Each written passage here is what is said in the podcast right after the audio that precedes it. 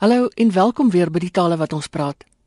Ek het met twee dosente van Unisa se departement Afrikaans en Algemene Literatuurwetenskap gesels oor forensiese taalkunde.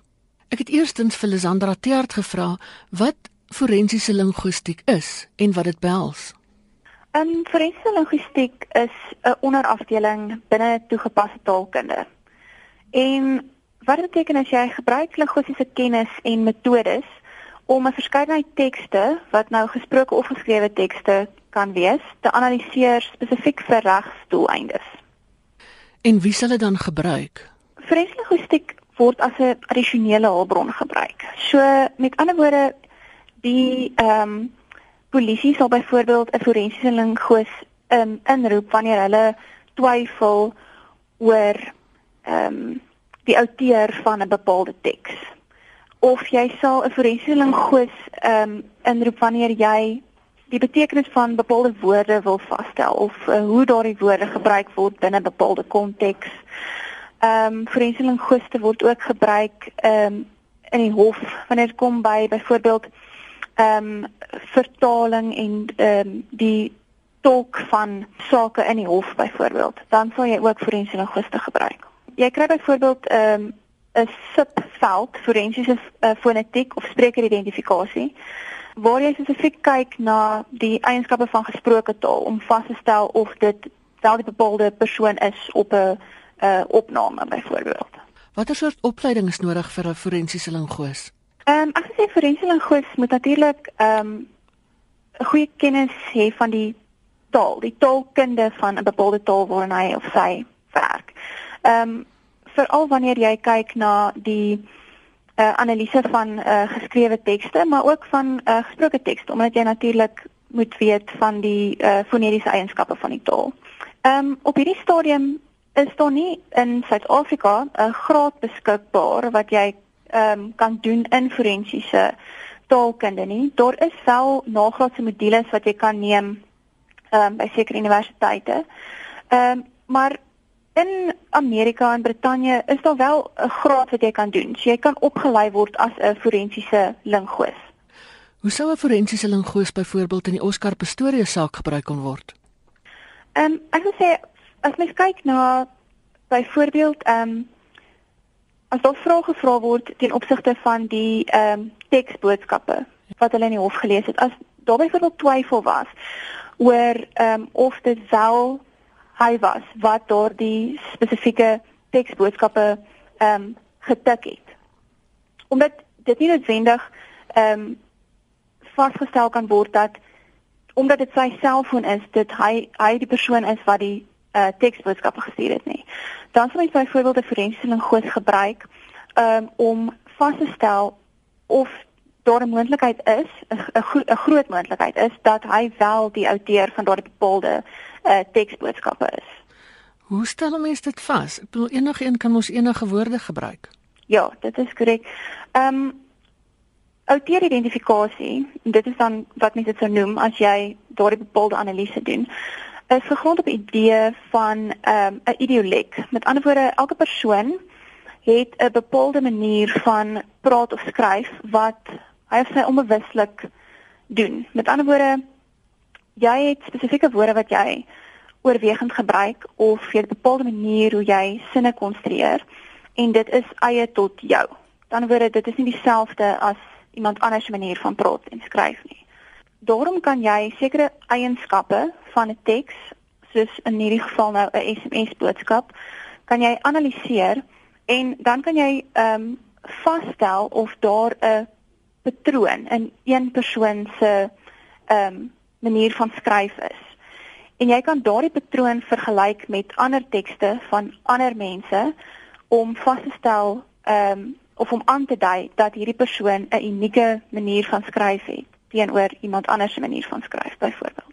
Daar word onderskeid getref tussen ehm um, stilistiese metodes en stilometriese metodes. Uh stilistiese metodes is eintlik maar ehm um, teksanalise en dit is effektief wanneer jy na korter tekste kyk. Ehm um, wat dit beteken is dat jy eienskappe in die teks merk ehm um, om hulle te identifiseer. So met ander woorde jy merk byvoorbeeld ehm um, al die voegwoorde of uh, jy merk woorde wat jy sien ehm um, net een keer voorkom of woorde wat herhaaldelik voorkom in sulke tipe dinge. En dan die stilometriese analise is ehm um, waar jy 'n rekenaar gebruik om die teks te analiseer. So jy voer die teks in 'n program in. Jy kan byvoorbeeld 'n uh, Wordsmith tool gebruik. En wat dan gebeur is die rekenaar kan ook vir jou 'n frekwensielys gee en dit kan ook vir jou wys byvoorbeeld watter uh, konkordansies is daar in die teks. Met ander woorde watter woorde kom meeste van die tyd saam voor in 'n teks.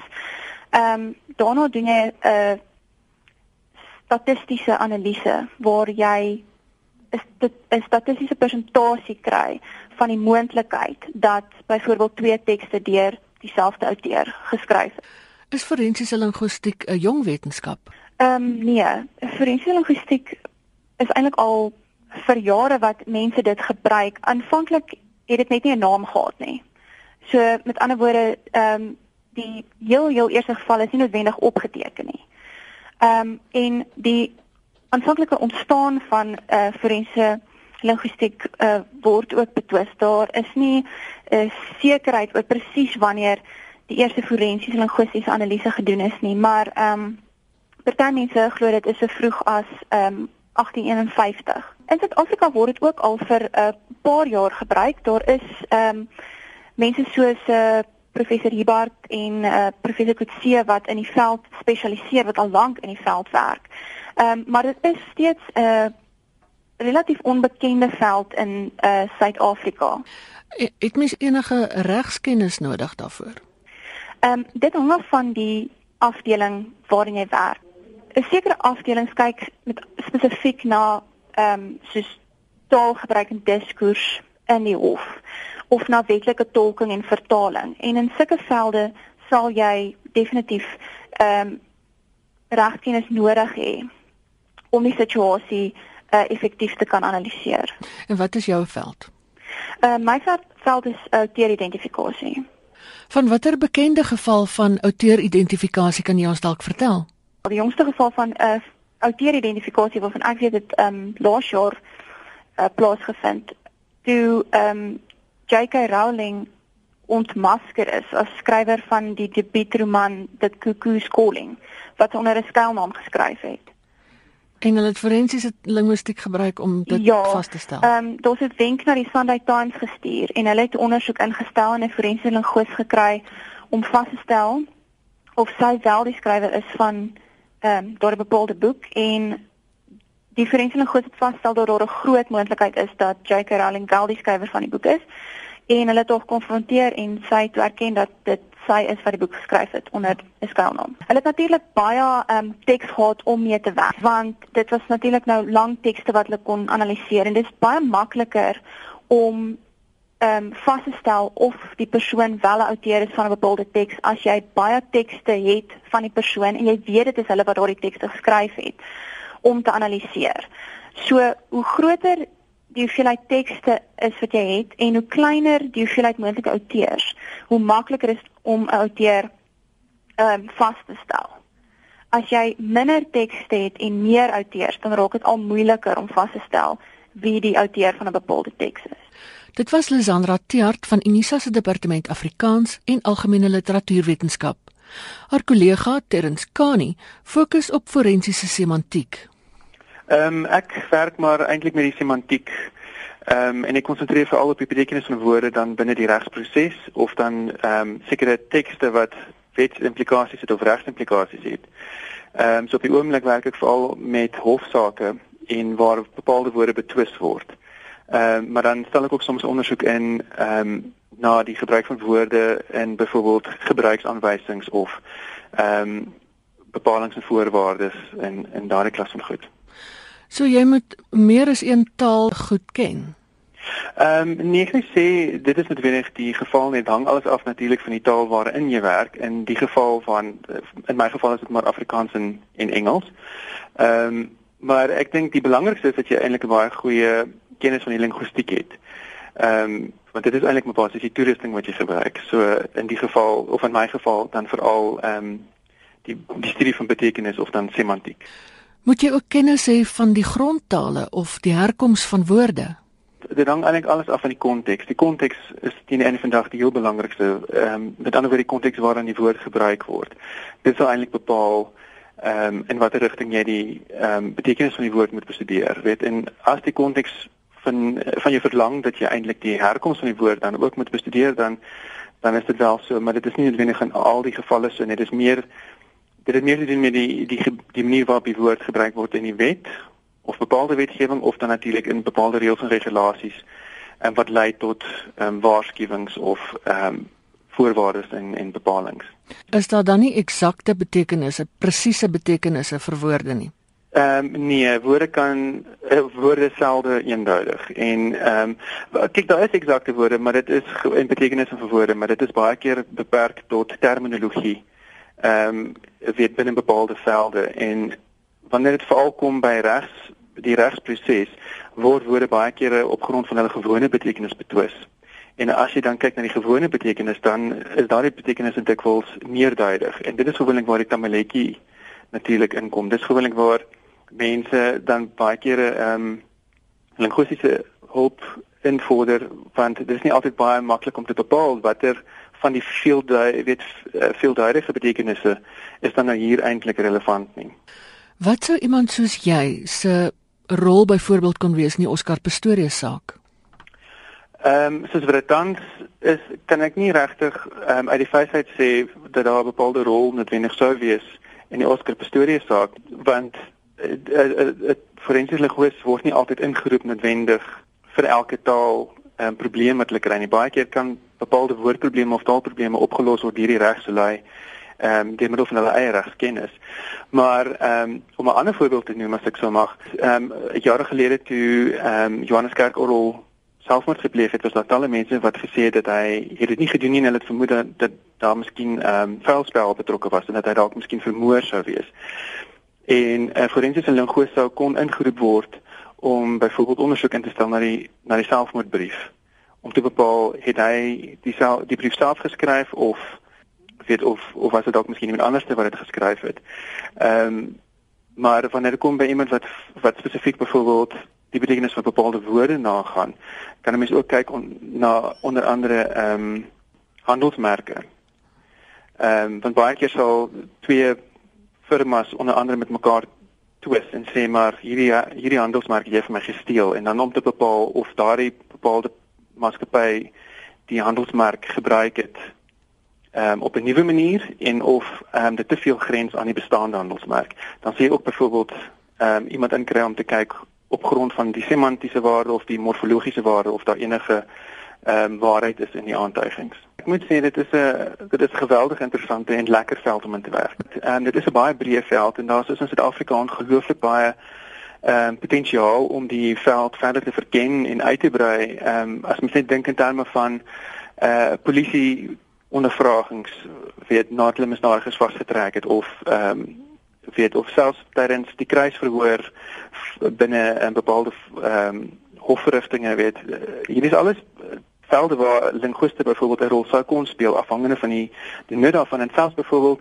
ehm um, weet ek weet my kollega het verwys na ehm um, forensiese fonie eh uh, fonetisie byvoorbeeld weet ek weet van die navorsing wat en een van die gebruike van uh, forensiese fonoloog op die oomblik en fonetisie uh, in plekke soos Australië en Nederland is dat hierdie mense word ingeroep onder andere om te help met asielsoekers want soms gebeur dit dat mense op um, aansoek doen vir asiel maar hulle kwalifiseer nie vir asiel nie en dan maak hulle asof hulle ehm um, asielsoekers is op die deur byvoorbeeld die ware asielsoekers se ehm um, woordgebruik en woordeskat en aksente na te maak.